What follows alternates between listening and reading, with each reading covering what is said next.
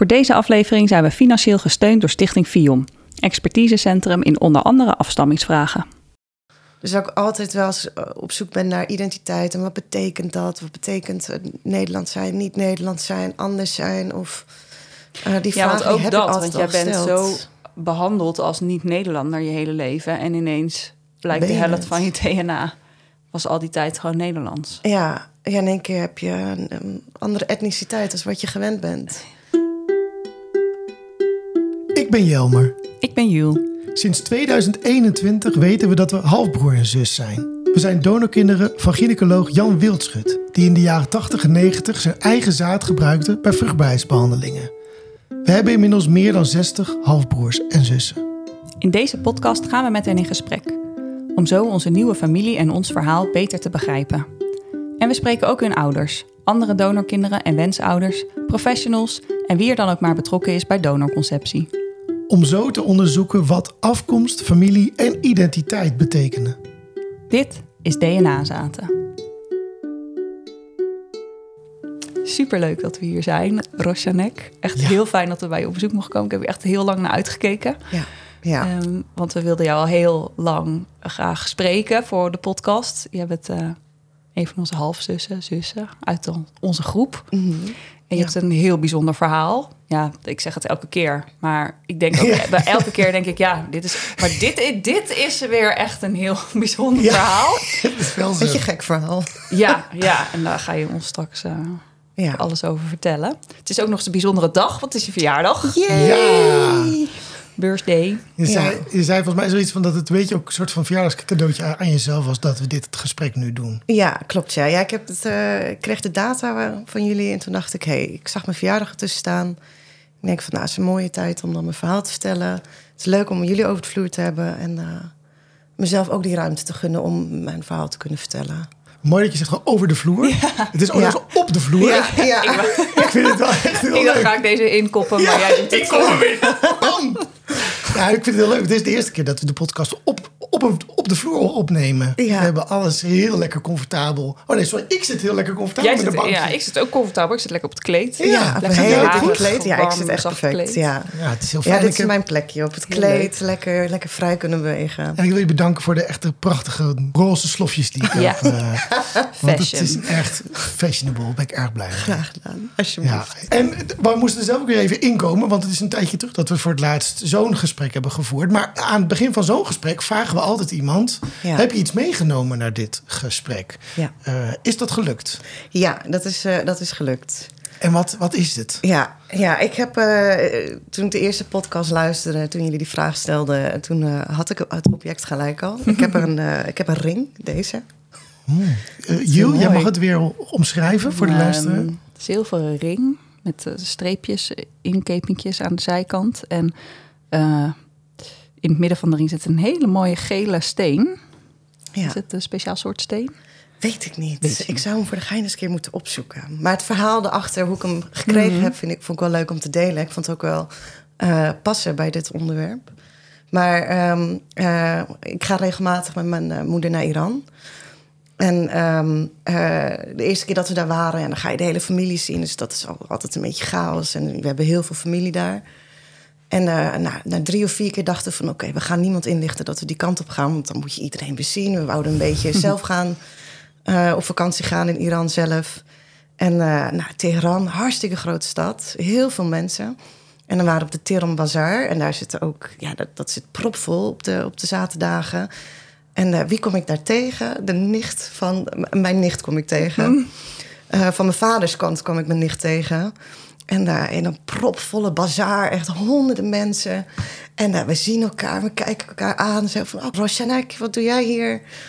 En eh, ze sleept me mee en koopt die ring voor me. En eh, dat was het. Dat, eh, What are the odds? Dit moment moet bezegeld worden. ja, ja, dat moment hier bezegeld worden. En eh, het grappige is, ik, ik heb niet zoveel juwelen, ik heb niet zoveel sieraden. Ik, ik raak dingen heel snel kwijt. Eh, maar ironisch gezien kan ik deze ring gewoon niet kwijtraken. Hij is teruggevonden bij de gevonden voorwerpen, bij eh, vrienden, bij mijn moeder thuis. Ik kan hem niet kwijtraken. Hij komt je steeds weer opzoeken. Hij komt me steeds weer opzoeken, ja, ja. Dus dat is het. eh, Ja, de vaderskant van een familie die ik gewoon niet kwijtraak. En die wil ik ook, niet wil. Eh, wil je ook niet kwijtraken? Nee, die wil ik niet kwijtraken. Die zijn eh, bij me altijd. Ja. Jeetje, wat mooi. Ja. Heel mooi. Ja, we kunnen de podcast ook stoppen nu. nee, nee, mooi. want ik wil alleen maar meer weten. Dat je, je ligt al een aantal tipjes van de sluier op in dit verhaal. En je eh, zegt Iran en je hebt daar veel familie. Ja, ja mijn ouders zijn allebei Iraans. Die zijn vanuit Iran 19 eh, 89 naar Iran of, eh, of, naar Nederland gevlucht. Zijn allebei politieke vluchtelingen. En eh, toen kwamen, ze, toen kwamen ze in Nederland, hebben ze overal asielaanvragen aangedaan, aangevraagd. En Nederland had ze geaccepteerd. Ook volgens mij uitgenodigd. En toen mochten ze hier dus verder gaan met hun eigen leven opbouwen. En bij dat leven opbouwen paste dus ook nog een kleine bij. Mhm. Dat wouden ze allebei heel graag. Ehm, en ze zijn daarvoor ook fertiliteitsbehandelingen gaan, ehm, gaan doen. En eh, dus toen kwam ik. Toen kwam jij. Plots. Ja. Ja, ik weet dat er een beetje wat haakjes en oogjes aan zitten. Mijn ouders eh, wouden heel graag kinderen. Echt allebei, echt heel graag. Tegelijkertijd hadden ze een lastig huwelijk. Ehm, maar dachten ze van, als we een kind nemen... dan eh, komt dat huwelijk wel weer bij elkaar. Hmm. Eh, maar een beetje moeite met... eh, eh, in Iran hadden ze ook al behandelingen eh, gehad. Toen kwamen ze in Nederland, konden ze hier verder gaan met die behandelingen. Eh, dus is mijn moeder bij Wildschut terechtgekomen. Eh, twee jaar de behandeling gevolgd. Eh, ook via andere donoren hebben ze toen de tijd gebruik van gemaakt. Mhm. Want het was duidelijk, jouw vader wa- was niet of verminderd vruchtbaar. Ze hadden donorsperma nodig. Ja, het was enigszins niet duidelijk. Kijk, ze, waren natuurlijk net twee jaar in Nederland. Dus alle gesprekken die ze met Wildschut voerden... was in het gebrekkige Engels. Ja, inderdaad, ja. En alles ging een beetje met. eh, ja, Ja. Het was een, er was een gigantische taalbarrière. En eh, ja, dat kan ik ook in het document een beetje teruglezen die ik van Isala heb ontvangen. Dat staat er duidelijk van. Hè, ehm, er staat ook een keer van dat het niet echt duidelijk is of mijn vader hun heeft begrepen. Hm. Eh, dus er was gewoon een taalbarrière. En daarbij ook nog de vraag voor het inzetten van een niet-Nederlandse donor. Ja, dat wilden je ouders graag. Ja, dat Ja. was een belangrijke eis. Ja. Ehm, en ja, ik kan het ook wel begrijpen waarom dat Ja. een belangrijke eis is.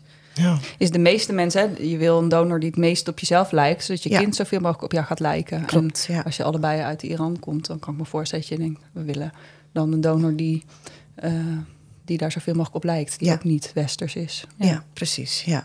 ja, want ik zou er maar in één keer uitrollen met blauw haar en. eh, of een blauwe ogen en blond haar. Blauw haar, dat zou ook leuk zijn. ja. Maar ja, blond haar, blauwe ogen, dan Ja. eh, krijg je scheve gezichten natuurlijk. Ja, ja en ik kan begrijpen ook als vader zijn dat het dan makkelijker is om eh, te, rela- te relateren aan ehm, Mhm. de kleine. ja. Eh, dus ze hebben inderdaad aanvraag, echt, echt gevraagd van niet-Nederlandse donoren. Eh, ze hebben met Turkse donoren ook gewerkt, volgens mij ook een Iraanse donor. Ehm, Maar dat was dan, weet je, daar, is dat duidelijk? Was dat inderdaad bij Jan Wildschut? Was dat bij Isla? Of hebben ze daar ook nog voor moeten uitwijken? Of wat ze daar... hebben ook moeten uitwijken naar- Blijdorp. Eh, volgens mij is dat dus de centrum van... Waar eh, Jan Karbaat werkte. ja, ja. ja. dus daar zie ik ook... eh, daar heb ik dus ook de een, grootste spermabank, denk ik, in die tijd. ja, Ja. Dat ze daar hebben gevraagd van, heb jij een eh, ja, Iraanse donor? ja, klopt, ja. Ja, en daar hadden ze een, een vol- eh, volgens mij hadden ze daar wel een Iraanse donor. Eh, maar ja, het, het lukte steeds niet bij mijn moeder. En ik weet ook vanuit mijn vaders kant dat hij gezegd heeft van, hè, ze leverde ook zijn sperma in, mijn vaders sperma. Eh, dat het gemixt zou worden met andere Mm. zaad en dat het dan ja, sterker zou worden of iets dergelijks. Mhm. En kijk, vanuit mijn moeders herinnering was dan de laatste afspraak van we gaan iets nieuws proberen. En ze heeft er ook niet verder naar gevraagd. Ze heeft er ook Mm. niet verder over ehm, ja, beraadslaagd. Ook niet met mijn vader erover gecommuniceerd. Ze gingen gewoon iets nieuws proberen. Mhm. En eh Daar gaat, het, daar gaat Ja. het een schimmig gebied in, zeg maar. Nou Van, ja, daar weten we ja. niet exact. Daarna Ja. ben jij geboren. Ja. Dus dat Ja. nieuwe is wellicht dat Wildschut dacht, dan gebruik ik mijn eigen zaad. Ja. En toen werd ze wel zwanger. Ja, Ja. ja. Ja, dus ik, ik, was, ik werd geboren en eh, toen zat ik nog gezellig met mama en papa. Mhm. Mijn ouders gingen scheiden toen ik vijf was. Ehm, eh, daar beginnen ook een beetje mijn actieve herinneringen. Mhm. Eh, toen is mijn moeder tijdelijk weer teruggegaan naar het AZC, want zij werkte daar ook, maar ze had geen huis. Dus ik mocht met haar mee, dus we hebben een tijdje ook in de AZC gewoond. En dat waren gek genoeg toen de tijd hele goede herinneringen. Want je zit met heel veel kinderen in een ruimte. Er waren altijd mensen om mee te spelen, weet je wel. Je hoeft niet elkaar taal te begrijpen. Er was gewoon altijd lol. Er waren altijd speelmaatjes. Er was altijd wel iemand die verstoppertje wou spelen. Dus uh, dat, waren, dat waren echt uh, goede herinneringen. Uh, en toen de tijd was er ook nog heel veel ruimte. Er waren grote gebouwen. Het was allemaal hygiënisch ook goed in orde. Mm.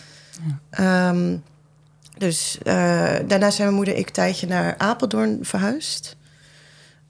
ik heb dus voornamelijk met mijn moeder heb ik gezeten. En in Apeldoorn was het ja, was leuk. Het was in het begin was het leuk.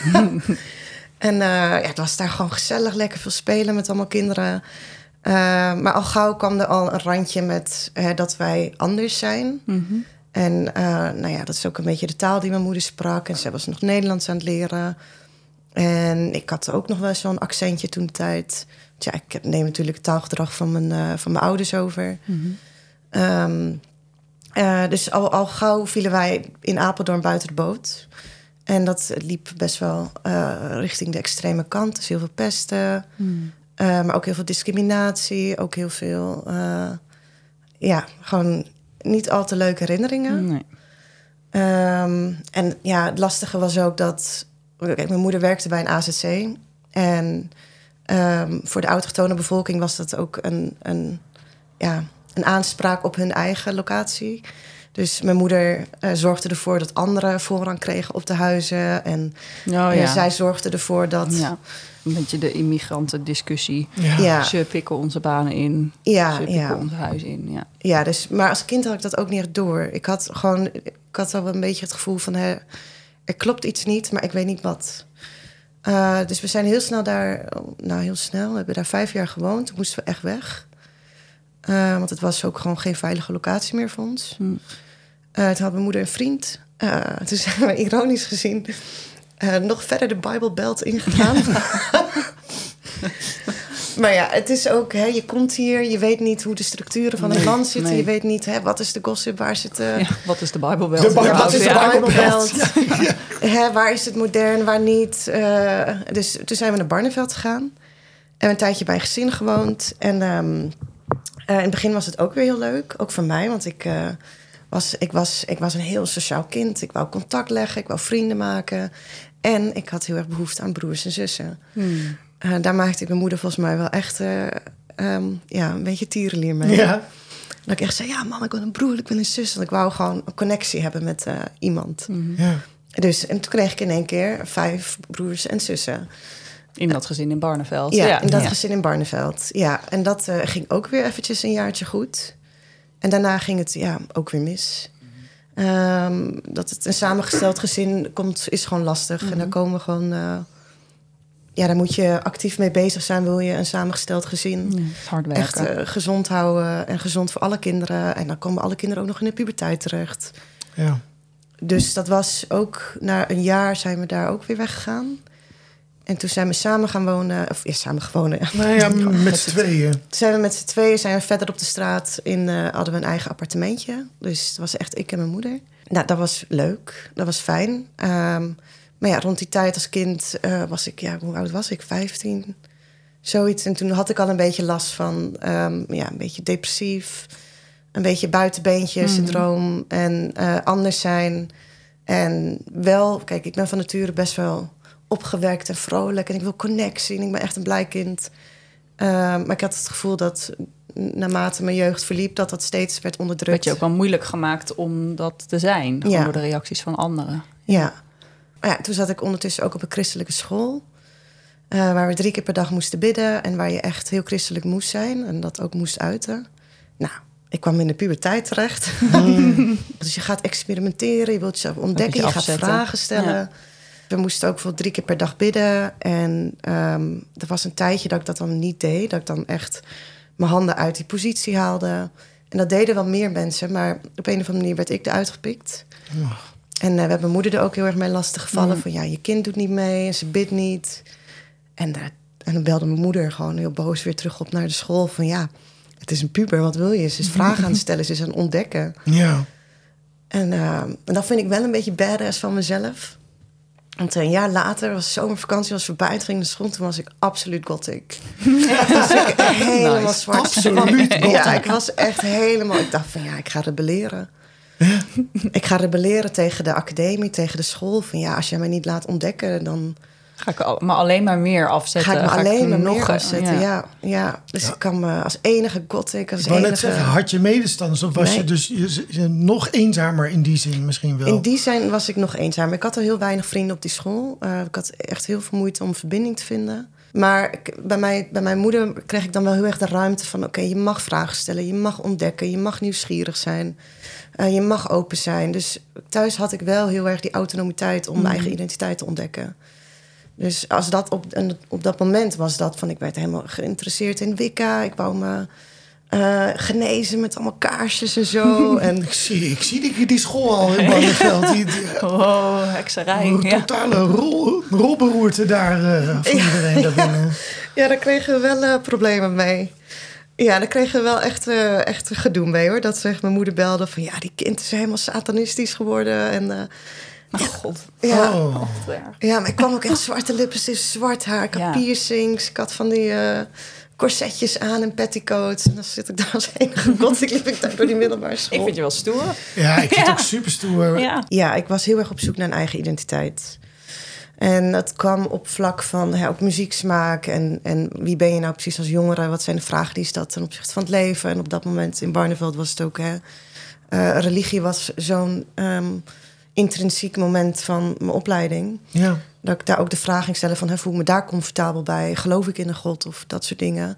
Was religie Ehm. bij jullie thuis ook een, een, een ge- gespreksonderwerp? Of, of Eh, nee, nee, Nee. religie was niet een gespreksonderwerp bij ons thuis. Ehm, mijn ouders komen wel uit Iran, maar zijn daardoor niet per se islamitisch. ja. mhm. Eh, ehm, mijn ouders zijn best wel atheïst. En ik zeg ook altijd, ik leg ook altijd de mensen uit. Want ik krijg die vraag eh, heel vaak gesteld: van, eh, ben je islamitisch opgevoed? Dan zeg ik, nee, ik ben politiek opgevoed. ja. Want daar hebben we gewoon heel veel discussies over gehad thuis. En, eh, maar ik denk, wat je ook zegt hoor, die identiteit. Ik was ook heel erg op zoek naar mijn eigen culturele identiteit. Ja. Kijk, het is zo, als ik bij mij thuis zat, bij mijn moeders huis, we spreken Iraans. En eh, taal heeft, vormt natuurlijk ook hè, hoe je emoties uit, hoe je over jezelf vertelt. eh, hoe je over dingen praat in het leven. Eh, taal functioneert daar best wel, heeft daar best wel een belangrijke rol in. Ik merkte ook al gauw als ik in de Nederlandse scholen zat. En zeker met, eh, als het echt een hele witte school was. Want ik heb ook met andere mensen op school gezeten. Daar, daar ehm, graviteerde ik al wat sneller naar. Mhm. Dus ik had een jongen in mijn klas, Turks afkomst. En het is net de manier waarop die praat. Net de manier waarop- die fysiek bezig met zijn handen. Dat je dan denkt, oh, daar heb ik een klik bij. Oké, die heeft een beetje dezelfde uiting, manier van uiting als wat ik heb. Als waarop Voelt, ik... voelt misschien meer vertrouwd of meer als thuis dan Ja. met anderen. Ja, en toen de tijd woonden we ook in Barneveld. Je had eh, de Bloemenwijk. Daar hadden ze een beetje iedereen met een migratieachtergrond wonen in dat wijkje. en eh, allemaal appartementen. Dus thuis was het prettig enigszins. Omdat ja, dan eh, kwam je de buurvrouw tegen en was. Nee, buurvrouw, weet je wel. En dan ook Afghaanse buren, dus was het ook salam. En eh, dan ging je, naar hui- ging je naar school, toen was het oké, strak in het pak. Nu even normaal doen, weer even netjes zijn. Even normaal, normaal doen. Dat zeg je al wat, hè? Wat een woordkeuze. Dat, eh, Ja, ja. Ja. Dus er was altijd een beetje van, hè, wat ben je nou precies? En eh, op een of andere manier was gothic voor mij ehm, de perfecte uiting van ik snap het allemaal Iraans, niet meer. nee, gothic. Maar hoe... eh, Dit is een suggestieve vraag, want eigenlijk weet ik het antwoord wel. Maar Ja. heb je het gevoel gehad dat je in het onderwijs in die tijd bent gezien voor, voor wie je bent? Voor wat je kon? Nee. Nee, absoluut niet. Nee, absoluut niet. Nee. Ik ehm, ik kreeg ook op een gegeven moment hadden we heb ik ook de CITO-toets afgelegd. Ehm, en ik kreeg toen hebben ze ook echt, echt aan, tegen mijn moeder verteld eh, dat ze me aanraden om naar eh, de MAVO te gaan, omdat je daar meer mensen hebt die net zoals mij zijn. En wat bedoelden ze met ja, mensen met migratieachtergrond. En eh, dat ik me dan, daar dan wat ietsje meer thuis zou voelen. En toen is mijn moeder ook weer heel boos geweest en gezegd van... nee, mijn kind is hartstikke slim genoeg. En die moet gewoon naar het HAVO toe en die kan dit gewoon aan. En die wordt ook geprikkeld in het HAVO. Die heeft volgens mij ook nog een IQ-test gedaan... en toen naar de school gebracht van... joh, eh, hier zie je het, Ja. ze is slim genoeg, ze hoort hier. Ja. Dus dat, ja, dat voel je wel een haar op wat ze kan en niet op haar afkomst. Ja. Ja, dus dat voel je wel een beetje. Maar mijn herinneringen zijn best wel gering van die tijd. Mhm. Zeker de middelbare school. In, ik kan alleen een beetje het gevoel opwekken dat je inderdaad anders voelt. En eh, met presentaties, dat je uitgelachen wordt voor je taalgebruik. Of, Mm. Dus ik heb mezelf dat ook echt ehm eruit gepraat, mijn accentje. Volgens mij heb ik alleen nog een R. Ik weet niet waar die R vandaan komt. Nee, ik hoor, ik hoor niks geks in jou praten. Nee, nee. Tegelijkertijd weten wij, ook nog eens door wat andere gesprekken die we met je hebben gevoerd, dat je bijvoorbeeld een briljante schaker was Ja, in die tijd. ja. Oh ja, Om ja. maar even klopt. iets te noemen. Ja, klopt. Ja, ja. Dan nog in Apeldoorn. En mijn moeder zag, zag een stel kinderen bij elkaar. Die waren aan het schaken. Toen dacht mijn moeder, oh, wat, wat, wat zijn die kinderen rustig. Want ik was echt zo'n ADHD-speelkindje, weet je wel. Toen dacht ze, nou, ik ga mijn kind op eh, schaken zetten. Dat wordt wel rustig. ja, daar wordt ze rustig van. En eh, ja, toen ben ik dus eh, heel intensief gaan schaken. Zij ook. En er zat ook een relatie met, met mijn schaaktrainer. Ah. En dat is ook toevallig de schaaktrainer van een van mijn halfbroers geweest. Ja, zodoende zijn wij aan het verhaallijntje ge- gekomen, zeg maar. Ja, Van Arjen. Ja. die Ja, die vertelt ook over zijn schaken in zijn podcastaflevering. Ja, ik vond het ook Ja. heel leuk. Denk, Ja. Oh nee, toen wou ik hem al gelijk een berichtje sturen van... Hey Arjen, oh mijn god, ik doe ook schaken. Ja, Het is leuk dat we die connectie hebben. Maar ja, we hebben allebei op schaken gezeten. Zelfde schaaktrainer gehad. eh zelfde toernooien ongeveer meegedaan. In dezelfde tijdperk ongeveer. Dus het kan maar zo zijn dat jullie tegen elkaar hebben geschaakt. Allebei in Apeldoorn met Ja. de Apeldoornse Ja. ka- kampioenschappen meegedaan. Moet Ja. wel. Ja. Ik, denk het, eh, ik denk het wel, ja. Ik heb gelijk mijn schaakfoto's eh, tevoren getrokken... om te Ja. kijken van, ja, zou het Staat hij erop ergens? Dat Ja. eh, ja. En nog niet gevonden. Fascinerend. Nee, niet gevonden. Nee, nee. Dus eh het is heel fascinerend, ja. Eigenlijk is misschien dit nog een leuke voor een toekomstige activiteit. Dat we een schaaktoernooi tussen jullie twee doen. Dat wij met, met z'n allen, allen meekijken. Nou, stiekem hebben we al geschaakt. Oh ja? Wat goed. Ja, ja het is wel, ik, dat vind ik wel leuk hoor. Dat zijn, dat zijn dus een van de mooie dingen die ik een beetje ehm, vanuit de donorzaak ook zijn gebeurd. Eh, ik schaak nu met eh, Arjen via de app en eh, ik ben het ook weer aan het Oh, cool. oppakken. Heel wat gaaf. En ja, dus dat vind ik echt eh, een hele leuke ontwikkeling. Zijn jullie aan elkaar gewaagd? Hij heeft, we hebben er nu toe echt eentje gespeeld. Ja? En, eh, en hij, heeft, eh, hij heeft gewonnen. Oké, oké. Ja. Maar als je dit luistert, Arjen, wacht maar. Krijg je Oei. nog wel. Ja, krijg je nog wel.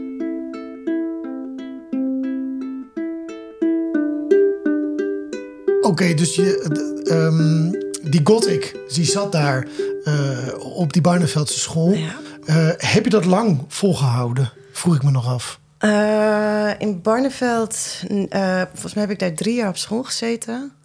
En ik was een eenzaam kind. Ja. En ja, het eh, internettijdperk kwam natuurlijk ook een beetje op. En eh, ik was op een site, I'm Online, of Hives of zoiets. En eh, toen leerde ik een meisje kennen, die woonde in Wageningen. En ik ging ooit eens een keer naar de toe. En toen nam ze me mee naar een middelbare school in Wageningen. En toen liep ik die school binnen. En eh, nou, dat ging echt, het was voor mij echt een paradijs. In welke zin? Waar, wat wat je gebeurde er- er met je? Je had daar zoveel diversiteit. Hm? Diversiteit qua etniciteit, maar ook diversiteit in eh jongerencultuur. Dus ja, je had daar meer gothics lopen, je had daar meer punkers lopen, skaters. Ja. Ik liep daar naar binnen, ik denk, potverdrie, ik wil hier echt op school zitten. En eh toen heb ik dat met de directeur daar gesproken en met mijn moeder. En nou ja, hetzelfde jaar zijn we, kon ik van school wisselen. Zo. En dat was voor, mij, toen was dat gewoon weer heel prettig. En je had, ik zat in een klas met een eh, Chinees meisje, iemand met Afghaanse af- achtergrond, Indonesische achtergrond. Ja. Dus dat was, ja, je Jij, was, je- jij was niet de, het buitenbeentje meer. ja, ja, en er waren punkers en skaters. Dus dat was ja, voor mij gewoon echt heel prettig. Ja. Je kon daadwerkelijk je Wicca-boeken nu gewoon delen met elkaar. Ja, en ironisch nee. te zien werd ik weer helemaal normaal. Ik gewoon spijkerbroekje aan. Ja, je hoeft ja, je niet meer af te zetten, want het mocht er gewoon ja, je, zijn. mocht, ja. je mocht gewoon jezelf Ja. zijn. En dat werd daar wel, eh, dat heb ik wel echt heel Hoe erg mooi is eh, dat? meegenomen van die tijd in Wageningen. Dus ik heb mijn diploma gehaald. Toen zijn we naar Arnhem gekomen. Eh, ik en mijn moeder hebben mijn moeder een huisje in Arnhem gekocht.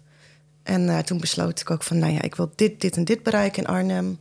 Ik wil vrienden hebben, ik wil een sociaal leven hebben. En eh, ja, dat heb ik echt eh, voor mezelf toen van 18 tot 25 voor mezelf opgebouwd.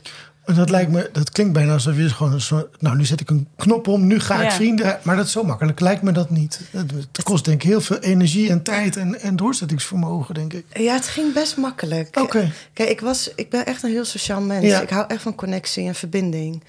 En eh, ik weet, kijk, ik stoeide ook met de- depressiviteit toen de tijd. En eh, ik weet nog dat ik een keer met mijn moeder zat. Ik uh, zat bij het gaskacheltje in ons huis in Arnhem. Heel verdrietig. En dan zei ik, mam, ik wil, ik wil uit. Ik wil de stad in, ik ga de bar in. En uh, nou, heb ik dat een half jaar ben ik gewoon de bar in gegaan. Gewoon in mijn eentje, weet je wel. Moeder om twee uur bellen van, nou, is alles nog goed? En ik had echt een vriendenclub van hier Tokio opgebouwd. Echt in een jaar. Ja. Gewoon een bar ingegaan, de Move in Arnhem. Dus een beetje alternatieve muziek. En ik bouwde zo echt een vriendengroep voor mezelf op, ja. Dus je trok mensen naar je toe eigenlijk. Dat, dat, dat gebeurde gewoon. Ja, ja.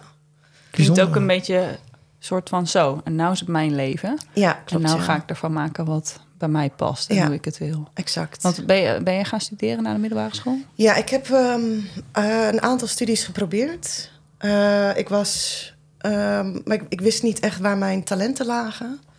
Ik denk ook hè, van, van 10 tot 18 was ik eerder bezig met een beetje overleven... dan Ja. echt jezelf ontwikkelen. Op Ja. het vlak van, oké, waar ben ik... Waar liggen mijn talenten? Waar ben Mhm. ik goed in? Waar heb ik affiniteit voor? Ehm, dus ik heb eh, journalistiek geprobeerd. Ehm, toen heb ik ook fotografie gedaan in Amsterdam. Toen ben ik een half jaar in Amsterdam gaan wonen. En pas daar had ik echt door dat, dat creatieve... eh, daar ben ik goed in. Maar dat heb ik niet verder ontwikkeld na die tijd. Eh, dus ik ben weer teruggegaan naar Arnhem. Ook omdat ik, ja, ik had net vrienden opgebouwd. Ik denk, ik kan wel naar Amsterdam gaan. En dan weer opnieuw gaan beginnen. ehm, omdat ik al heel vaak opnieuw had moeten beginnen. Iets van Apeldoorn, Barneveld, dit, dat. En eh, ik dacht, nee, ja, ik wil gewoon even bij mijn vrienden blijven in Arnhem. Ik wil dat gewoon even verder ontwikkelen. Mijn sociaal leven verder ontwikkelen. Toen heb ik nog een mbo gedaan in, van ecologie. En eh, heel random. Alle kanten op. Ja, eh, ik dacht, ik dacht ook van, hè, omdat mijn, mijn vader die is geoloog. En kijk, mijn ouders hebben allebei universitaire opleiding gedaan. En ja, ze hadden ook, eh, dus ik dacht van, ja, oké, gewoon doorstuderen, ecologie gedaan, eh, vleermuizen stage gedaan. Ik ben echt diehard fan van vleermuizen. ik vind het echt prachtbeesten. Toch de, de kotik in je. Nog een klein beetje toch. Ja. Houdt eraan vast.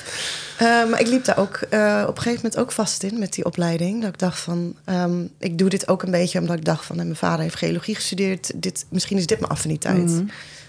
Ehm, maar dat was het ook niet. Ook de werkvloer waar ik in werkte vond ik niet heel erg prettig. Ook heel erg wit.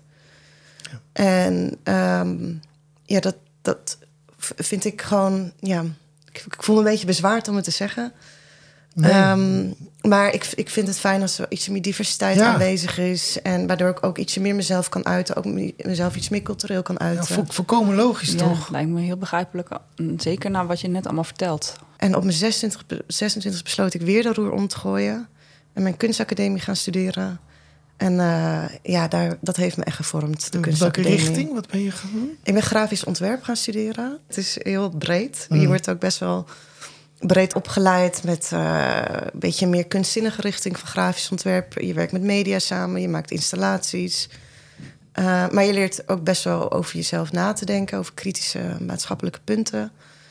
Eh, en dat vond ik heel interessant om mee te werken. Ik, ging, eh, ik ben in die vijf jaar echt keihard op zoek geweest naar mijn identiteit. Ook heel veel met cultuur gedaan en heel veel onderzoeken naar de ander. Dat is mijn eh, interesse.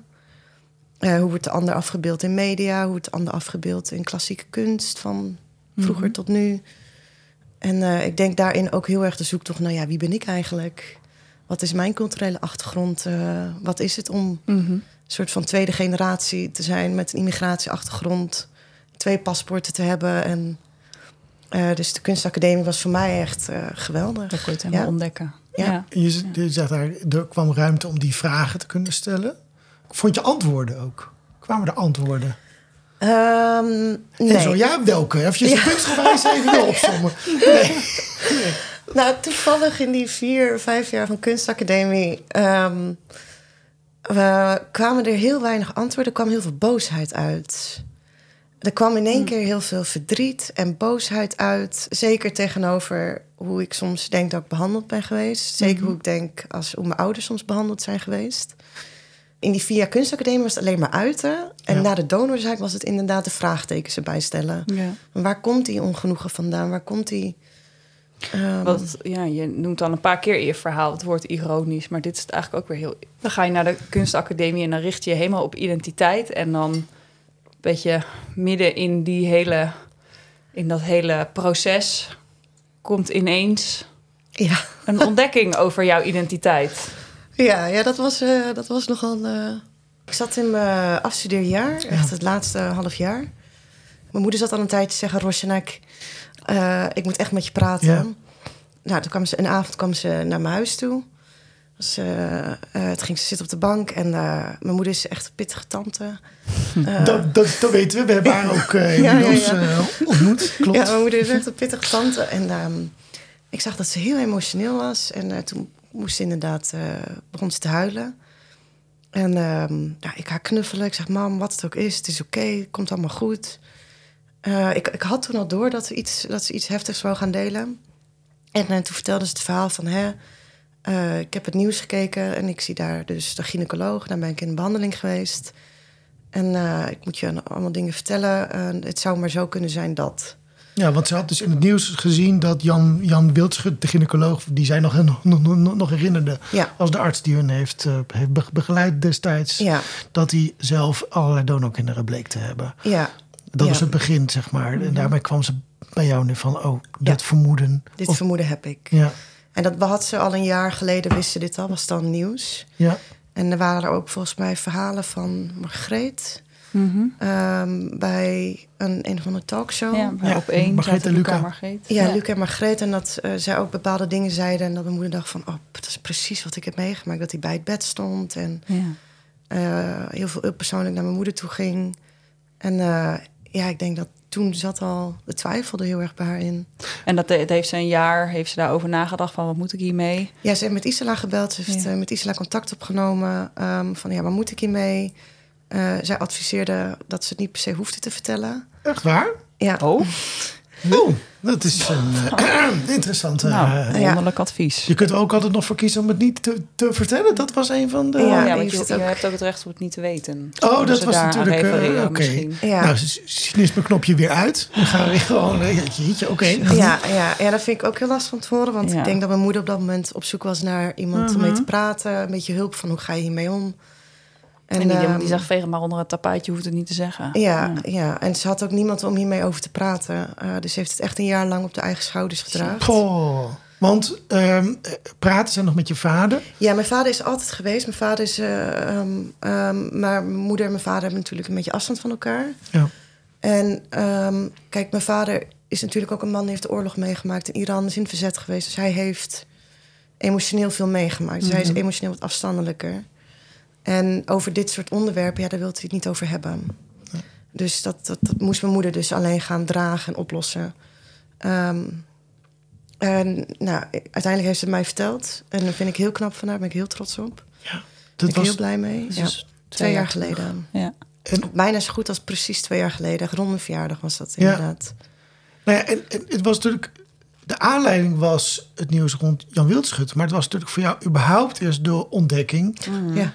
Eh, ik ben dus donorkind. ja. Ja, ja, toen de tijd, ja, dat was een, ehm, ja, het was eh, eh, emotioneel, echt een emotionele rollercoaster. Ik was natuurlijk net aan het afstuderen ook. En in één keer kreeg ik al die informatie op me af. Ik kreeg toen het document ook met Isela toen gesproken. En ik wou, ik ben er gelijk achteraan gegaan, weet je wel, gelijk contact opgezocht. Van, ja, ik wil weten wat er aan de hand is en eh, ik wil antwoorden. En eh dossier gekregen, las ik inderdaad van het donor, dat ze ook donoren hadden gebruikt.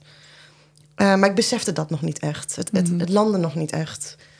Ehm, Je zat nog volop in de, de actiestand, zeg maar. ja, Je hoort dan dat nieuws. Heb je, heb je er lang over nagedacht om je DNA op te sturen? nee. Nee, was meteen Nee, was duidelijk. meteen. Ik, eh ik wou wil ik het antwoorden. Ja, Ja. ja. Maar was het meteen voor jou een, een, een kwartje dat, dat, dat viel? Of was dat niet zo? Nee, nee. Nee, Nee, het was meer de grond die onder mijn vloer wegging.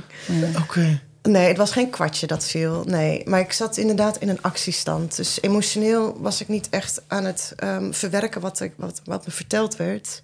Er werd me eerder een probleem gepresenteerd en ik moest dat oplossen. Het ging nog niet echt over jou Ja. of zo. Ja. en ik zag dat mijn moeder ook heel ontdaan was. En ehm, ja, ik dacht ook voor mijn ouders van oké, ik hou me gewoon stevig. En ehm, ik snap ook wel waar hun vandaan komen. En ja, ik, ik, het lukt me wel. Ik kan deze nieuws wel handelen. Ja. En het komt wel goed. Ja. Mhm. En dat hield ik even twee maanden vol. en eh, nou, toen ben ik wel uiteindelijk volledig eh, ingeklapt. Was dat toen je de, de uitslag kreeg? Of wat, was dat niet de rechtstreekse aanleiding voor het in elkaar klappen waar je het over hebt? Nee, nee, het was. ehm, ik, ik kreeg dus eh, het nieuws te horen van mijn moeder en eh Isela gebeld. Toen moest ik inderdaad eerst een, eh, een test doen met mijn vader, bloedtest, om te kijken of we matchen met elkaar. Omdat er nog de vermoedens waren dat, het ook, dat je ook nog KIE kon zijn? Of wat, hoe moet ik dit precies zien? Dat je nog met je vader... Nou ja, je, ja, je zei aan het begin, je, ze hadden ook zaad gemengd. Dus het had ook nog zo kunnen zijn dat je wel van je vader was geweest. Ja. Ah, zo. Ja. Ja. ja. Ja, en ik denk, eh, er was, er was die vraag, er was nog een beetje onduidelijkheid en we wouden het gewoon 100% zeker weten. Ja. ja. En kijk, mijn ouders zijn ook met z'n. Ze hebben individueel dit traject afgelegd. Dus mijn moeder heeft zelf besloten, zonder dat ze hulp heeft gevraagd, van ik ga dit aan mijn dochter vertellen. Ik heb zelf mijn vader aangesproken van, hey pap, ik weet het verhaal. En ehm, ja, er zijn geen andere partijen die je kunnen begeleiden in het traject van, oké, wat doe je dan? Hoe spreek je er met elkaar over? Ehm, misschien hadden ze wat duidelijker tegen mij kunnen zijn, mijn ouders, van ja, ik, we weten bijna zeker dat je een donorkind had kunnen zijn.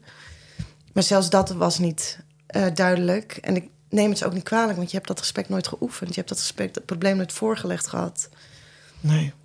Inmiddels zijn er nu best wel, eh, is er best wel wat informatie te vinden. En zijn er mensen die je kunnen, kunnen adviseren in hoe voer je dit gesprek. Maar dat is echt pas sinds een paar jaar. Dat, dat, dat was dat in die tijd nog nauwelijks. Nee, nee. Nee, en ik weet van mijn moeder, die heeft in het begin bij Isala, echt in het alle begin gevraagd van oké, hoe doe ik dit? En mijn kind, vertellen we dit, vertellen we dit niet? En ehm, daarom weet ik ook van vader en moeders kant dat hun werd geadviseerd van dit hoef je niet te vertellen. Ja. Eh, dit hoeft niemand te weten. En ook in het jaar dat mijn moeder het wist, is ook advies gevraagd van ja, hoe Ja. doe ik dit? En dan krijg je weer die deur dicht Ja. van oké, je hoeft hier niets mee te doen. Ja, je hoeft het niet per se te vertellen. Je hoeft het niet per se te vertellen.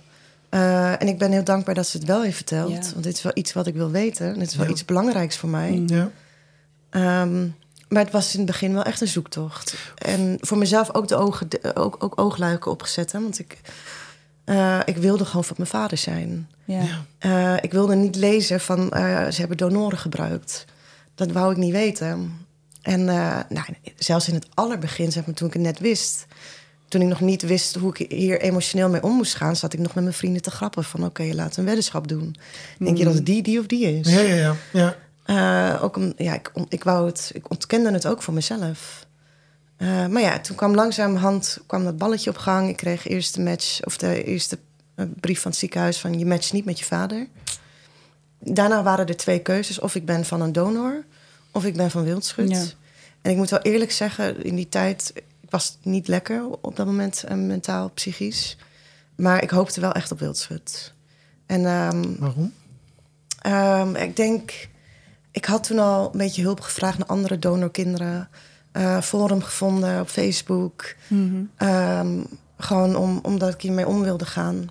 En ja, als ik, als ik hoorde hoe heftig zij het soms ervaren, die eeuwige zoektocht en die eeuwige vraagteken. Mm, Ja, als je geen antwoorden vindt. Als je geen Ja. antwoorden vindt. ehm, ja, ik vond dat best wel heftig om te horen. Ja. Dat ze zo'n proces doorgaan. Ja. eh, Tegelijkertijd lijkt het me ook, je zegt ik hoopte op Wildschut. Ja. Maar Wildschut was natuurlijk gewoon een witte Nederlandse Ja. man. Dus Ja. dat is ook een enorme mentale Ja. stap die je dan in je hoofd zet. Ja. Dat je dan maar daarop hoopt. Ja. Of zeg ik iets heel raars? Nee, ja, klopt wel. Want ik zat met die donor. Van als het een donor was, is het dan een niet-Nederlandse donor? Want dat Ja. stond in het dossier. ja, precies. Is het dan een Nederlandse donor? Ehm, maar er was, er was al zoveel onzekerheid. Ik was Ja. al door zoveel emotionele perikelen aan het gaan. Dat, eh, dat ba- bad mij dan gewoon even ehm, een veilige grond. Ja. Gewoon een stabiele grond. Dan kan ik vanaf daar verder. Als ik maar iets van hou vast vind. Ja, Ja. de match met wildschut zou me houvast geven. En Ja. zou me een beetje grond geven om in te kunnen aarden van... oké, nu kan ik vanaf daar verder. Ja. En dan had ik liever dan al die onzekerheid. Ja, Dus maart 2022 was het dan dat je Ja. hoorde dat je aan Jan Wildschut gematcht was. yes, toen kreeg ik de match. Ja. En daarvoor had ik natuurlijk al, al weken jullie foto's en video's bekeken. En mijn eigen foto ernaast, weet je wel. En, ehm, maar ik had ook het, het ervaring met Isela dat mij ook verteld werd toen... van ja, je matcht toch niet met wildschut, want je lijkt niet op ze. Ehm, Wat zeg je nou toch allemaal?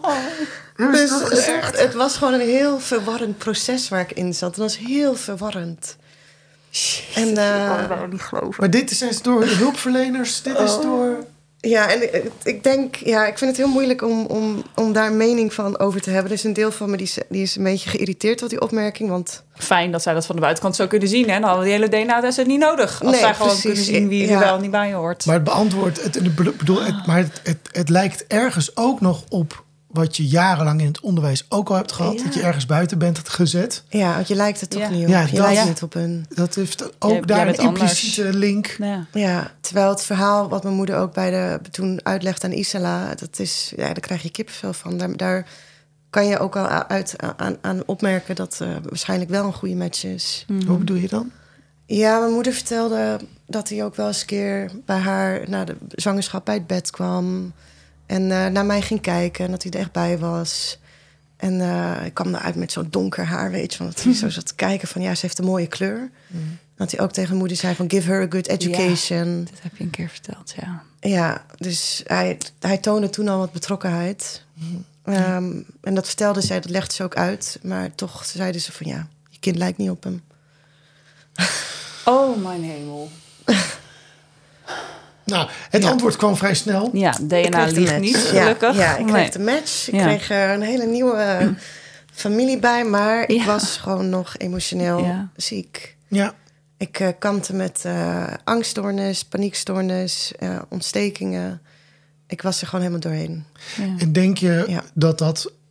In hoeverre denk je dat dit hele verhaal daar, daar de oorzaak van is? Of is het een mengeling van, van alles in je leven? Ik denk een mengeling. Ik denk... ehm, eh, ik had natuurlijk al druk voor de afstuderen. En toen kwam dit ook nog eens een keer bovenop. Maar ik denk dit knaagt wel aan eh, hoe ik eh, existentieel als persoon in elkaar zit. Ja, natuurlijk. Knagen is echt nog volgens mij een een Ja, understatement. van- ja. Dus dat ik altijd wel eens eh, op zoek ben naar identiteit. En wat betekent dat? Wat betekent eh, Nederland zijn, niet Nederland zijn, anders zijn? Of eh, die Ja, want ook heb dat. ik altijd Want jij bent zo behandeld als niet-Nederlander je hele leven. En ineens blijkt de helft van je DNA was al die tijd gewoon Nederlands. Ja, ja, in één keer heb je een, een andere etniciteit als wat je gewend bent. Ja, ja, ja dat is echt heel gek. Heel, heel bizar. Ik denk dat pas een jaar later, ehm, eh, toen begon mijn therapie. Je hebt natuurlijk ook, ik heb me aangemeld voor therapie, want ik moest hierover praten. Ja, natuurlijk. Ik wilde Ja. het voor mezelf uitvogelen. Ehm, pas een jaar later kon ik inderdaad ook echt zeggen van ehm, dat ik er heel veel moeite mee heb om een deel van mijn nationaliteit in te leveren. Ja. Dat ik echt een jaar heb gerouwd. En dat ik een deel van mijn Persische cultuur moest inleveren, een deel van mijn vaders cultuur. Eh, want zo voelt dat alsof je iets inlevert. Mhm. En, ehm, ja, en dat er ook heel veel boosheid onder zat. En ik denk die boosheid stamt een beetje vanaf dat... ehm, we hebben het in Nederland altijd over integratiebeleid en assimilatie. En eh, dat maak je als, als kind maak je dat heel erg mee. Als, als tweede generatie van hey, je moet je aanpassen aan de cultuur waar je in bent. En dat aanpassen betekent ook dat je dingen van jezelf moet inleveren. Dus er werd bij ons ook gezegd van... Hey, je mag de Iraanse taal niet spreken. Of mag niet, maar wordt aangeraden dat je dat niet doet. Mensen worden er ongemakkelijk van. Ehm, ja, je moet je zo, zoveel mogelijk normaal kleden. En dat horen in het algemeen ook. Zodra je een eh, hoofddoek op hebt... dan word je er ook al een beetje buiten gezet. Dus je moet je zoveel mogelijk assimileren. En dat is een heel traumatisch proces... om als kind, tiener, puber door te gaan. Moet je een deel van je identiteit wegstoppen. Ja. En omdat dat juist de periode is waar je als, als, als klein kind ga je op zoek naar jezelf. En dan wordt er bij jou afgeraden door de maatschappij van... Hè, ga niet op zoek Doe, naar doe dat jezelf, maar niet. doe dat maar niet. Nee. Doe Nee. maar normaal, dan doe je al gek genoeg. Doe maar zoals wij doen. Ja, ja, dus dat kwam in dat, in dat jaar kwam dat heel erg eh, omhoog. Van, nou moet ik weer iets van mezelf inleveren. En dit is gewoon letterlijk een deel van mijn DNA moet ik inleveren. Dat is dan weer niet van mij en dan heb ik weer geen grip op. Ja. Ja, Heftig. ja. ja, daar ben ik ook even stil van. Ja. Waar sta je nu? Eh, ja, ik wil daarbij graag zeggen ehm, dat ik in de afgelopen twee jaar echt eh, een geweldige sociale kring om me heen heb gehad. Van eh, vriendinnetjes en ook mensen op school, eh, docenten, ook behandelaars. En ehm, ik heb met hun heel erg mogen exploreren over hoe ik me voel over het Nederlandsheid. Ehm, dus ook heel veel mijn boosheid kunnen uiten. Ook kunnen zeggen van ja, ik wil helemaal geen Nederlander zijn. Nee. Ehm, en heel erg kunnen experimenteren om even boos te zijn, om even dat te kunnen zeggen. Eh, en tot de conclusie een beetje te komen van ja, ik weet nog steeds niet wat het betekent. Nee. Ehm, ik ga dat denk ik, ik ga daar denk ik nog wel een tijdje naar op zoek. Eh, maar ja, ik ben hier geboren, dus ik draag het met me mee. En er zijn dingen voor mij die zijn gewoon echt typisch Hollands. Ik heb mijn gordijnen altijd 24 uur openstaan. Iedereen kijkt wel, naar binnen. Iedereen kijkt naar binnen. Maar je stelt jezelf dan ook wel vragen: hè, van wat is het nou? Is zoiets. Ja, een constructie die je om jezelf heen Ja. maakt van wat cultuur nou bepaalde, wat cultuur nou eigenlijk is. Ehm, of is het iets wat ik inderdaad in me draag? Draag ik een beetje dat gen Het is echt van. het nature-nurture vraagstuk, maar dan in het kwadraat. Ja. Ja. Ja, Hoe heeft je moeder gereageerd toen duidelijk werd dat jij inderdaad ja, van Jan Wildschut af, afstand? ja. Ja, dat zou je verbazen, maar die was best wel blij. Ja. Ja, nou, ze was best wel blij. Het is natuurlijk heel chockerend. Ehm, ze wist natuurlijk al van de donoren, dus dit was een fijne optie. ja, maar ze dacht. Ja, ze, ja, ze Maar- hebben natuurlijk een tijd gehad dat ze dachten... er kan misschien van een donor Ja. gebruik gemaakt worden. eh, ook met een, Ja. met een andere culturele, culturele achtergrond. Eh, de- de- Ja, we gaan iets nieuws, pro- iets nieuws proberen. Ze heeft er niet grip op gehad, denk ik. Ook niet grip op kunnen krijgen. ja, Omdat er niet heel veel werd verteld. ja. Ik kan me ook voorstellen dat ze denkt... Wat is me nou... Wat, wat is... Nou, niet me. Wat is er nou Ja. gebeurd in godsnaam? Ik denk, kijk, zij is heel selectief voor mij gekeken naar wat is voor mijn kind goed. Ja. Ik weet niet per se wat is voor mijn kind goed, maar eh, zij, zij heeft heel erg in haar gedachten meegenomen nu ik de match met Wildschut heb van, hé, Rosjanek heeft familie. En Rosjanek is niet meer alleen. Want jij wilde zo graag broers en zussen. Ja, Nou, ja. En het is... hier. Ja, 60. 60. ja, Mama! succes. Nou, genoeg. Careful what you wish for. Nee, dus we hebben met kijk, we hebben wel gerouwd. We hebben een proces gehad waar het echt heel lastig was. En, ehm, ehm, en ik heb ook gewoon hele goede gesprekken met mijn ouders daarover kunnen hebben. Dus ik heb inderdaad kunnen huilen, ik heb kunnen panikeren, ik heb kunnen boos zijn. En eh, ze hebben er me eh, de ruimte voor gegeven en daar ben ik heel blij mee. En dan is het een beetje de kunst van, oké, ja, waar zit een beetje die, dat rooskleurige verhaaltje in? En dat was dan heel erg in van, ja, ik, ik heb me wel altijd eenzaam gevoeld als kind. Ik heb wel altijd familie gewild. Ik heb wel altijd verbinding willen voelen met anderen. Ja. En ehm, dat is ook waar ik dus mijn kracht uit heb geput de afgelopen twee jaar. Van hoe verschrikkelijk het ook was en hoe erg ik het ook soms ook nog vind. Ehm, vind ik het wel een romantisch beeld dat ik nu onlosmakelijk verbonden ben aan Met zoveel, mensen. Ja. Ja. En ik ben niet meer alleen in Nederland. Dus dat is iets waar ik dan een beetje kracht uit put. En ja, er zijn momenten dat ik ook rouw. En er zijn momenten dat ik denk van... oh, ik ga even schaken met mijn broer. ja, hoe cool is dat? Ja.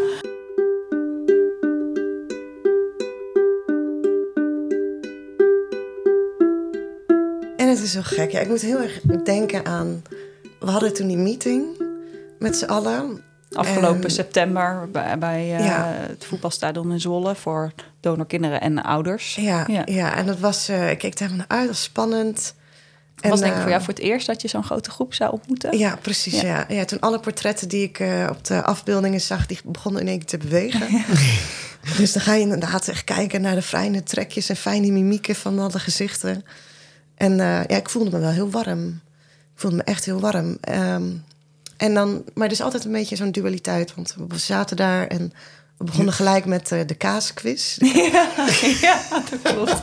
We hadden twee halfzussen hadden een quiz met eh, vragen over kaas en vragen over de groep en, en eh, mensen die daarin zitten. Ja, Gewoon als even een leuk intermezzo, maar dan doe je ineens Ja. mee met een kaasquiz. ja, ja, Je, je moeder was ook mee. ja. Ja, Ja, ja bij die kaasquiz was het wel echt een hilarisch moment... dat ik en mijn moeder elkaar aankijken en denken van... oh ja, nu hebben we het over de we kaaskoppen. zitten hier tussen de We kaaskoppen. zitten hier tussen Ja, de kaaskoppen, ja. we gaan een quiz Ja. doen. We hebben pepernootjes, we hebben een worstje en een kaarsje. Maar heb je dat ergens nog, nog het, hetzelfde gevoel gehad als dat je zo vaak in schoolklassen hebt gehad? Ik ben weer de, de, de ander of niet? Of is dat niet meer? Jawel, dat speelt altijd. Dat speelt altijd. is heeft natuurlijk je identiteit gevormd. Ja, ja. Eh, alleen nu is de kunst van, ik weet dat het ehm, met mij speelt. Dus ik weet dat ik me heel, heel snel eh, anders voel. En ik weet dat ik ehm, ja, daar een gevoeligheidje voor heb. Dus toen ik daar naar binnen liep... en dan zie je de Hollandsheid op je, op je Ja, heen nou, komen. nou, dat heeft niks met jouw gevoeligheidje te maken, maar met het feit dat het natuurlijk ook lastig is. Ja, ja, dan zit ik daar wel eventjes mijn moeder zo aan te kijken van... oh ja, ja, we zijn toch wel een beetje anders. Ja, Eh, maar tegelijkertijd, het is, het is eenmaal zo en ik accepteer het en het is oké. En ehm, als ik het niet oké vind, dan zeg ik er ook wat van. Ik zit wel in zo'n tijdperk in mijn leven dat ik... als ik iets niet gemakkelijk vind, of, eh, Mhm. eh, dan geef ik dat ook wel gewoon aan. En eh, dan is het aan de ander of zij de ruimte hebben om het te kunnen ontvangen. Of dat zij inderdaad die deur op slot zetten en zeggen van... hé, hey, Nou, je maakt je niet meer klein nee, voor, nee, eh, voor nee. de ander. Nee, ik maak me niet meer klein. Ik, ehm, ik durf wel makkelijk te zeggen over, ja, over discriminatie en racisme. Daar praat ik heel makkelijk over, ja. Ja, Goed zo. ja. ja ik vind, daarom vind ik de interview ook wel een beetje spannend hoor. Ja, wat dan? Waar, waar ben je bang voor? Ja, ik, ik vind het lastig ook in de tijdperk waar we nu een beetje zitten... met de PVV-tijdperk waar we ingaan... Mhm. En het heel erg nationalistisch beeld dat wij in Nederland aan het ontwikkelen zijn ehm, voor onszelf. Eh, ja, dat je mensen niet meer open zijn om kritiek te kunnen ontvangen. Niet meer open zijn om te zeggen van... hé, hey, dit vind ik niet prettig als eh, individu. Mhm. En dat, heb, dat is iets wat ik wel van 0 tot ja, ongeveer 25 ben heb meegedragen. Van doe normaal, doe je al gek genoeg, niet te veel zeuren. Ja, En je moet blij niet zijn. voor een hoofd stoten. Ja. Ja, en ook heel erg de retoriek. Ehm, je moet blij zijn dat je in Nederland woont, heb ik ook heel vaak gehoord. En eh, je mag niet klagen, want je zou maar in Iran Oh ja, geboren zijn. Het is hier heel veel beter. Ja. Het is hier heel veel Ja. beter. En eh, als je niet fijn vindt, ja, dan moet je het land uit. Ja, oh ja, dan ga je maar weer terug. Ja, ga maar weer terug naar je eigen land. En eh, ja, dat zijn dingen, daar groei je mee op. Dat wordt Ja. onderdeel van jouw eigen Ja. Eh, filosofie die je dan meeneemt naar je... Ja, precies. En daar zit leven. bij jou een beetje de angst van als ik me uitspreek over dat ik het ook moeilijk vind om ineens Nederlands DNA te hebben. Ja, Ehm, Ja. dat, dat je bang wordt voor dat soort reacties. Van, oh, ja en die krijg ik ook wel. Ja, oh ja. Die krijg ik ook wel, dat mensen het moeilijk vinden van... ja, je moet blij zijn dat je Nederlands bent. En eh heb ik ook een keer gehoord. Van Eh, mensen die... eh, afgelopen twee jaar, ja. Dat je dus van Wildschut af die zegt, nou, dat is dan toch fijn? Ja, ja, dat is goed. Daar moet je blij mee zijn met je Nederlandsheid. Want En, dan eh, ben je beter of dan is Geen het goed idee. voor je. Hè? Nee, ja, weet ik niet. Nee. Oké. Hm. Ja, of mensen die inderdaad zeggen... en dat vind ik een hele normale reactie, hoor. Dat van, maar je bent gewoon Nederlands. En dat vind ik Ja, een want hele je normale bent hier reactie. geboren en opgegroeid. Ja. en dan probeer ik ook altijd gewoon vriendelijk uit te leggen van ja, maar wat iemand meemaakt in zijn leven, dat kan Mhm. Verschillend zijn met of je wel of niet bij een bevolkingsgroep hoort. Ja. Ja. Eh, ja, gevoelsmatig. Hoe komen jullie, eh, zijn jullie vaak de afgelopen, of in je leven vaak naar Iran geweest? Ja, Want je begon daar het gesprek mee. ja, oh ja. De Eh, ring een beetje nicht. Teheran. Ja, eh, ik ben wel benieuwd hoe de familie, daar, is daar, zijn hier gesprekken over te voeren binnen de familie? het? Ja. Ja. Ja, mijn moeders kant van de familie die weet het allemaal. En dat zijn allemaal mijn tantes en mijn nichtjes. Dat is één grote vrouwbende. Die, die krijgen gelijk dag twee was het, eh, zijn ze ingelicht. ja. En eh, die zijn er gewoon heel vriendelijk en heel open over. En eh, hart onder de riem gestoken van het komt allemaal goed. Je bent nou niet meer alleen. Met de moederskant van mijn familie, daar ben ik gewoon heel close mee. En ja, ik ga regelmatig naar Iran terug. Afgelopen vier jaar niet vanwege wat politieke moeilijkheden. Vaderskant van de familie is een beetje een ander verhaal. Daar ben ik ietsje afstandelijker mee. Ehm, altijd al mee geweest, een beetje afstandelijk. Dus minder goede band opgebouwd. En nou, die weten het niet. En daar houden we het liever ook ehm, voor zover gewoon een beetje afstandelijk. Maar dit is meteen wat ik dus zo... Ja, het is een heel flauwe metafoor die in me opkomt. Maar ik ga hem toch delen. Want door wat je allemaal nu hebt verteld, denk ik ook...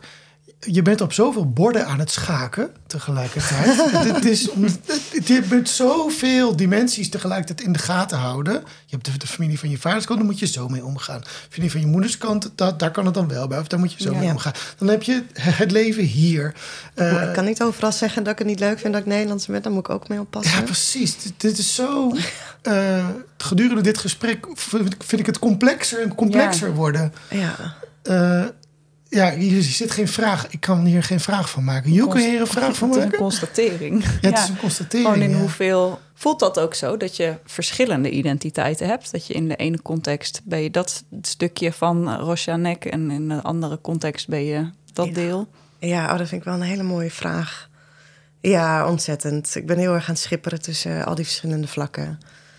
En een deel van me die is natuurlijk eh, dat, dat kleine kind die zegt van ja, maar ik hoor je niet. Eh, die, die speelt dan ook van ik hoor, moet ik met dat Nederlandse? Dat ben ik niet. Een deel van mijn volwassen kant die zegt ook van eh, ja, maar ik ben gewoon hartstikke Nederlands. Dit is mijn land, dit is mijn cultuur. Uh, dan heb ik natuurlijk ook ja, mensen die je tegenkomt dat ik even moet peilen van kan ik dat wel of niet zeggen of Mhm. kan ik daar eerlijk op, oprecht mee over praten of niet? Of moet ik gewoon even een beetje een maatschappelijke standpunt nemen van nou het is allemaal wel oké. Ja, dus het is wel een zoektocht. Ehm, maar mijn zoektocht scheelt echt, echt omdat ik nogmaals echt een geweldige omgeving Ja, heb. Dus ik heb steun. schatpatatjes om me heen, vriendinnen, eh, zorgverleners die super behulpzaam zijn geweest en die me echt eh, de ruimte hebben gegeven om dit hele proces eh, met al mijn emoties mee te maken. En dat maakt het wat behapbaarder. Ja, dat geeft kracht. Ja, Ja. Er best een tijdje ook over na moeten denken. Wat ik dus helemaal ook begrijp. En het was ook nog eens een heel, eh, heel zware periode voor je. Of je bij de groep halfbroers dus aangesloten wilde worden, zeg maar. Om daar contact mee te krijgen. Toch? Dat, dat klopt toch? Dat dat best wel een lange, lange zoektocht is geweest. ja het was. ehm, eh, toen ik het hoorde, op een gegeven moment. eh, ik denk dat ik al snel genoeg wou ik onderdeel worden van de groep. Alleen ik kampte zo erg met mijn ehm, mentale toestanden. Ik had paniekstoornis, eh, angstaanvallen. En ik was gewoon uitgeput dat ik Mhm. steeds niet die ruimte vond om die groep in te gaan. En ik wilde het wel, maar ik was er mentaal gewoon niet klaar voor. Nee. En dus met behulp van, ja, eigenlijk met behulp van het FIOM, want met hun heb ik regelmatig gesprekken gehad, gingen we steeds een stapje verder in dat proces. Dus eerst een broer aanspreken of een zus aanspreken. En eh, dan ehm, de groepschat. Nou, dat heeft ons volgens mij een jaar geduurd. Maar vanaf het begin wilde ik er al in. Maar ik moest gewoon het hele proces doorgaan van... ja, waar moet ik hiermee? En, eh, Het is natuurlijk ook nog weer anders als je vijf halfbroers en zus had gevonden. Dan Ja. stap je misschien ook iets makkelijker in. Dat je denkt, oké, nu ga ik in een groepschat met 48 mensen. ja, ja. Dat, Ja. is ook gewoon, dat is ook heel veel. Dat Ja, is voor dat- ons allemaal heel veel. En ik kan me heel goed voorstellen dat je denkt... kan ik dat er nu bij hebben, ja of nee? Ja, en op dat moment kon ik dat er nog niet bij Nee. hebben. Terwijl, kijk, ik, ik ben hartstikke open sociaal. Dus eh, 60 mensen met ik kan wel matties kan worden. Ja, hartstikke leuk. Ja, zo. Ook een rijkdom. Maar Eh, maar ik moest wel echt even... resources voor hebben om Ja. daarmee te kunnen omgaan. Ja, dat ja. Je moet, je moet, ik, ik moest de vraag stellen van waarom vond ik dit lastig? Ehm, waarom ben ik bang om de groep in te gaan? Eh, wat ben ik bang om te missen? Eh, wat, ben ik bang voor afwijzing? Want ik heb ook even gedacht van straks wijzen ze me af vanwege Ja, mijn dat zou natuurlijk ook nog heel pijnlijk zijn. Dan heb je ja. eindelijk familie hier, dan neem je daar contact mee op en dan... Dat is inderdaad best Ja. heel kwetsbaar. Als je Ja. denkt, als ik, val ik hier straks weer buiten de groep en dan... Ja. Ja, je moet natuurlijk Ja. begrijpen dat... eh, kijk, normaliter als ik ehm, een beetje stabiel ben... Dan, dan ben je wat sterker en wat Mhm. dapperder. Maar ik was in zo'n gat gevallen dat... Ja, al je ergste gedachten komen een beetje omhoog. Ja, en je kan op die moment denk ik ook veel meer geraakt worden. Want als het dan zou gebeuren, Ja, zou je dat, ja. veel meer doen dan op het moment dat je stevig staat. Ja, ja, ja, nee, dat zeg je precies goed. Ja, klopt. En dat ook. Blikken je angsten terecht of niet? Eh, nee. nee, nee. Told you Nee. so. Oh nee, dat is niet waar. dat is zeker. Nee, nee. Ja, het erg is nu van, ik wil zo, ik wil, ik wil echt veel dingen doen. Ik toen met jou ook over, dat, dat ik dacht van, oh ja, we kunnen ook leuke dingen gaan doen en uitnodigen. En, en dan zit ik naar die galerij te kijken en denk, oh, ik wil met haar een keer afspreken. Of, oh, wat grappig, hij heeft dit als hobby. En denk, oh, kan, kunnen we daarover praten?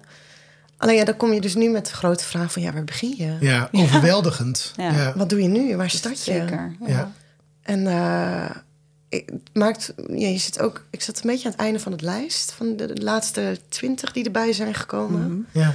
Nou, je Dus- doet nu alsof het, het einde is bereikt, dat, dat weten we Oh, niet. nee. Maar gewoon recent is, Ja. het, is het wat rustiger geworden. En Ja. jij wordt bij het laatste... Het laatste, ja, ja, volgens mij was ik nummer 45 of zoiets. ja. Ja. Van de 60, waar we nu Ja. op zitten. Ja. Ja, of ik zit iets hoger dan dat. Maar ja, je, je komt er ook wat later bij. En dan zie je ook dat er al wat banden zijn ontwikkeld. En dan denk je ook, van, ja, kan ik daar nog bij of niet? Ah, ja, dat ja. vond ik in het begin ook best wel Ja. lastig. En toen zaten er nog maar 17 mensen in die appgroep, geloof Ja. ik. Maar dat ik dacht, oh ja, ik weet helemaal niet wat de onderlinge verhoudingen zijn. En dan kom je in de groep, maar wie zijn jullie allemaal? En wie hebben een band onderling en wie niet? En ligt iedereen goed in de groep? Of Ja. ook mensen niet? Geen idee. Dat, Ja. dat is, voordat je die dynamiek een beetje door hebt, dat duurt ook wel even. Ja, klopt, ja. En daar gaat ja. echt wel veel energie in zitten. Ja.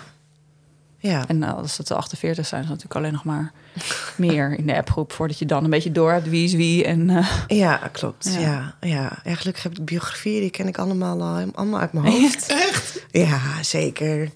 Ja, want dat doe je heb je ook al natuurlijk heb je een mapje? Ik heb een mapje. Daar staat, daar heb ik het hele smoelenboek in uitgeprint. En de leesbeschrijving van Jan Wildschut. Heb ik gewoon helemaal alles rondom dat verhaal zit daarin. En dan Ja, heb ik alles maar bij elkaar. het grappige is dat ik... Ja, het grappige...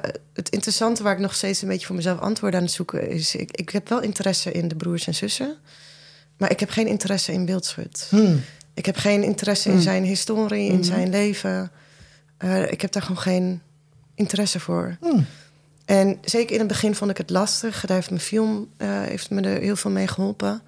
Want ik kwam een beetje achter tot de conclusie dat als ik inderdaad onderzoek zou doen naar wildschut, zou ik dan een deel van mijn cultuur dan weer laten loslaten. Ik voelde me daar gewoon heel schuldig over in het begin. Zeker in het Een had ook soort nog verraad naar je... ja, ja verraad naar mijn. Iraanse afkomst. Verraad naar mijn Iraanse familie, naar mijn Mhm. vaders familie. En, ehm, maar gaandeweg kom ik er een beetje achter. De, het is nu twee jaar en ik heb een paar keer geprobeerd om eh, terug te gaan naar zijn verleden en om de foto's aan te kijken. En, en nu zit ik een beetje in, een- in een proces waarbij ik naar de foto's kijk, zeker die nostalgische foto's van vroeger. Mhm. Dat ik denk van, ik heb hier geen verbinding mee Nee. dit is niet mijn culturele geschiedenis. Wat ik heb geleerd of wat ik heb meegekregen. Of waar ik denk dat ik uit gevormd ben. Maar dan wordt het ook een andere, ander verhaal. En dan is het niet meer. eh, eh, eh, dan is het niet zozeer. Ik wil dat principieel niet zien of zo. Maar is het meer van. Nou ja, ik zie het, maar ik, ik voel de verbinding niet. En dat, dan, kan, dan kun je het misschien ook laten. Ja, ja. Ja, voor nu is het dat ik het liever laat. En dat Ja. kan zo zijn. En dat is denk ik het proces waar, waar je heel erg in zit. Je, je bent heel veranderlijk. Je leert ook allemaal dingen, ook gewoon standaard in het leven. Tuurlijk. En dan, wie weet, over drie jaar kom Ja. ik tot een conclusie. Dat ik denk van, nou, ik Dat ga je er nu wel helemaal in wil kijken. duiken. Ja, Ja. dat Ja. kan. Tuurlijk. Maar nu heb ik iets, ja, ik heb er niets mee. en ik vind het niks oké. met die man. Ja. Ik ben wel naar zijn graf gegaan toevallig. Echt waar? Ja, ik had een brief voor hem geschreven. Oké. Ja, en best wel een oké brief. Ik heb wel gezegd van ik ben niet boos op je. ben Wel een beetje boos op je. Ehm, ik ben een beetje verdrietig op je. Ik ben een beetje blij met je, maar ook weer niet. Dus ik heb hem een brief geschreven. En ik denk dat ik vanaf dat moment ook dacht van het is afgesloten. Ja. Wildschut. Nu wil ik naar de zus en de broers. Jeetje. Ja. Oh, Shannek, wat een verhaal. ja, ik hoop dat ik het een beetje eh, goed kan... Ja, Ja, heel goed. prachtig. Ja. Ik denk... ehm, Ik denk nu al, hoe moet ik dit in vredesnaam Wordt de langste monteren? aflevering ever. Ja, want Ja. alles wat je zegt is waardevol. Ja. Dus dat is het ingewikkelde eraan. ja. Ik knip altijd heel veel eruit, maar dat kan helemaal niet. Nee. dus ik ga in de hele terugreis ga ik jullie ervan overtuigen straks dat we deze podcast gewoon heel lang moeten Dat die maken. langer dan een Ja. uur mag zijn. Dus, eh, maar goed, daar komen we nog op, Ja. nog op terug. Nee, je, vol- vol- nu zijn we, nu zijn we hier. Dus we zijn van nul tot nu gekomen. Ja. In je supermooie huisje in Arnhem. ja, gezellig hè? Zullen we over gezellig. naar iets luchtigers? Dat Ja. de DNA-vragen erbij halen. Vind je het goed? Ja, ja Want is ook goed. dat was, we moesten weer even bedenken, bij wie staat de, de, bingo-molen. bingo-molen? Eh, we waren hem al bijna, bijna kwijt, maar gelukkig Jiel kon hem terugvinden. Eh, dit moeten we ook weer even toelichten. We zijn misschien mensen bijgekomen die ons volgen, die denken, wat bingo-molen? DNA-vragen. Als wij een ha- halfbroer of zus spreken, dan eh, hebben we daar altijd eh, de bingo-molen bij voor de DNA-vragen. En dat zijn eh, allerhande wetenschappelijk onderbouwde vragen. eh, Wat is dit verhaal weer? waarin het nature, nurture eh, onderzoek zeer gespecificeerd wordt uitgevoerd. Ja. Ehm, en je mag er altijd, eh, eh, eh, je krijgt de kans om drie balletjes te trekken uit de, de bingo-molen. En die staan allemaal voor een DNA-vraag. Oh, leuk. Ja, je keek het meest uit. Ja, ja, leuk. Ja, Oké. ja. Nou, dan is de bingo-rad all yours. ja, Oh, oké. Take it away. Je mag eraan draaien en dan... eh, komt er al iets? eh, ja, er zit er...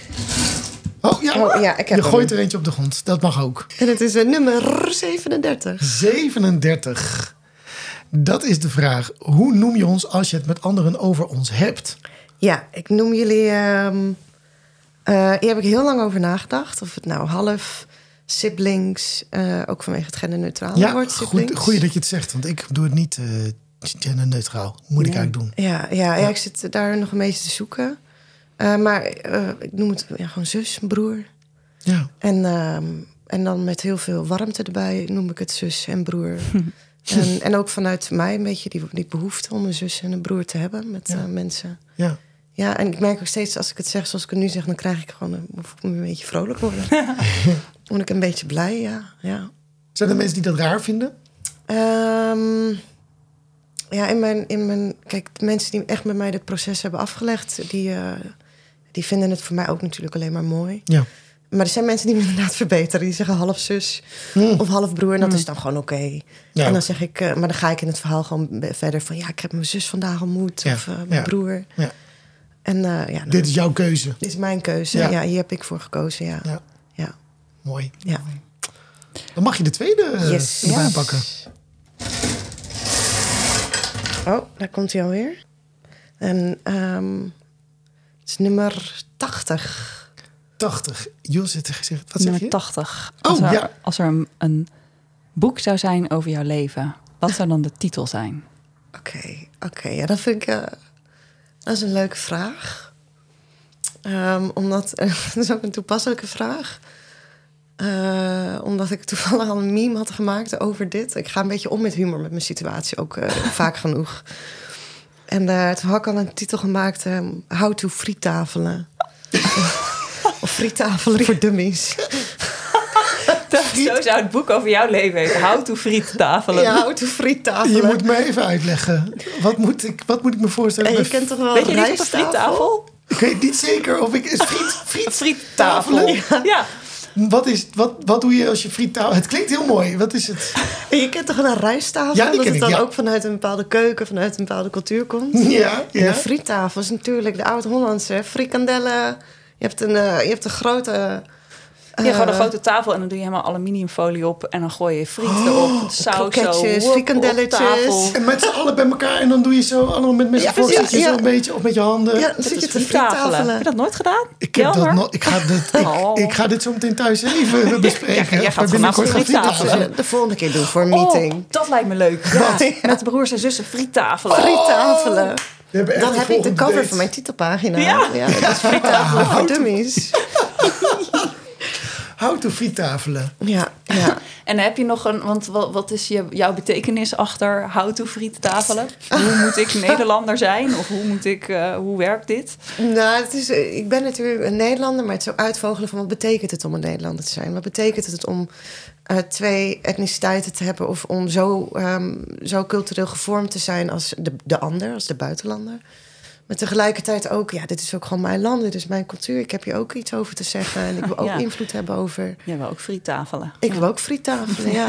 ja ik Heb wil je er- dan een bepaald, eh, bepaalde wens van de friettafel? Wat moet er op die friettafel liggen in ieder geval? Ehm, Oeh, een babybal. Ja, ja, ja, ja, ja lekker. Meteen weer geïmporteerd voedsel.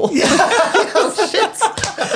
Oh ja, ja, dat is toch een beetje Ik was dat een keer smaak, in op vakantie met een groep mensen. En toen gingen we eh, saté eten. Rijst met kroephoek en saté en boontjes. En toen zei iemand aan tafel... Oh, lekkere Hollandse maaltijd.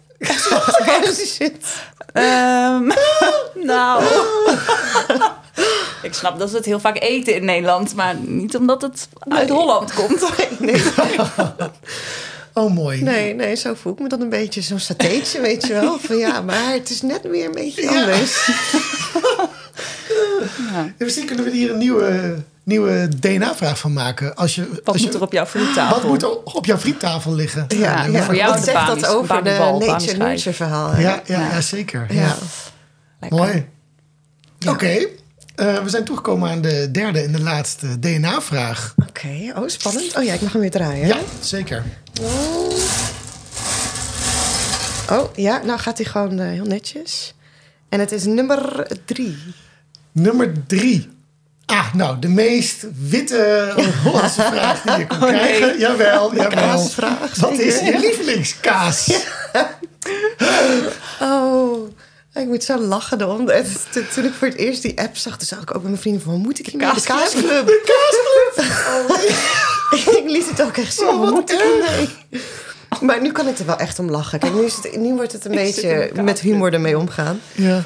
Eh, weet je wat is? Ik heb altijd eh, standaard ga ik naar de. Ik heb standaard twee dingen in mijn koelkast. Dat is eh, een bak yoghurt, Turkse yoghurt. Ja. En een bak echt Turkse feta. En halloumi hou ik van. En eh, ja, geitenkaas vind ik ook wel heel lekker. Ja. Heerlijk. Ja. Maar ik heb altijd zo'n enorme pot feta in mijn koelkast staan. Want ja, zonder kan ik niet. Ja. Ja, maar ik ben niet van de plakjeskaas. Nee, nee, nee, nee. nee. Dat gaat Nee. me een stap te ver. niet. Alleen Ja. op de tosti. Maar dan kunnen we, moeten we de naam misschien wel gewoon in, in de, de Feta Fe- Club. Veranderen. Ja. Nee, het is, Nou ja, het is dat is kaas verbindt. Je kan Ja. eh, van goud, goudse kaas houden, Ja. maar feta is ook kaas. Ja, hè? ja Absoluut. halloumi is voor ook kaas. kaas. Ja, Ja, ja, ja, ja. ja. Eh, iedereen houdt van een kaas. ja. Dat durf Mooi. ik haast wel te beweren. ja Het klopt. meest inclusieve, inclusieve antwoord. dat ik Mozzarella, eh, blauwe Franse blauwschimmel Ga je nu, je gaat En alle kaas inderdaad, opnoemen Er zit heel veel diversiteit. De ene kan je laten smelten. Halloumi kan je inderdaad Cheddar. laten aanbakken. Cheddar, pittig. Ja. Ah, Of gewoon smaakloos. Ja. Van allemaal verschillende dieren. Plantaardige kaas is ook up and coming. Oh, nou heb ik helemaal Ja? zin om de geschiedenis van kaas en cultuur te gaan ontdekken. Ik voel een nieuw project aan. Ja, ik, ik heb al helemaal zin om te kijken. Oh, Persische kaas. Wat is ook weer daar de ja, geschiedenis van? ben ik heel benieuwd naar, Paneer ja. en zo, dat is meer een beetje Pakistan, India. Ja, ja. Wow. Ja. Nou, Een wereld van kaas, Jelma. Eindeloos, grenzeloos. ja. Ik, zijn we nog iets vergeten te bespreken met elkaar? Ehm, ja, ik wil alleen vragen of ik de ruimte mag hebben om wat mensen te bedanken. Ja, zeker. Groetjes doen, de groetjes doen. Hebben we nog nooit gehad hier. De dat iemand de groetjes doet. Dat vind ik Ja, leuk. ja. Ja, zeker. Nou Zeker. ja, ik, ik denk wat ik ook mee wil geven, ook met het proces ehm, van hoe ga je om met je eigen culturele achtergrond. Want dit is een vraagstuk wat ik niet per se kon beproeven bij, eh, met andere mensen. Er zijn heel weinig verhalen over. Mm. En eh, daarbij moet ik echt mijn omgeving bedanken. Eh, mensen die super open zijn geweest, mensen bij wie ik inderdaad heel veel dingen kon uiten. Eh, mijn vriendinnetjes, echt waar, mijn allerbeste vriendin Astrid. Als jij dat hoort, ik hou echt ontzettend veel van je.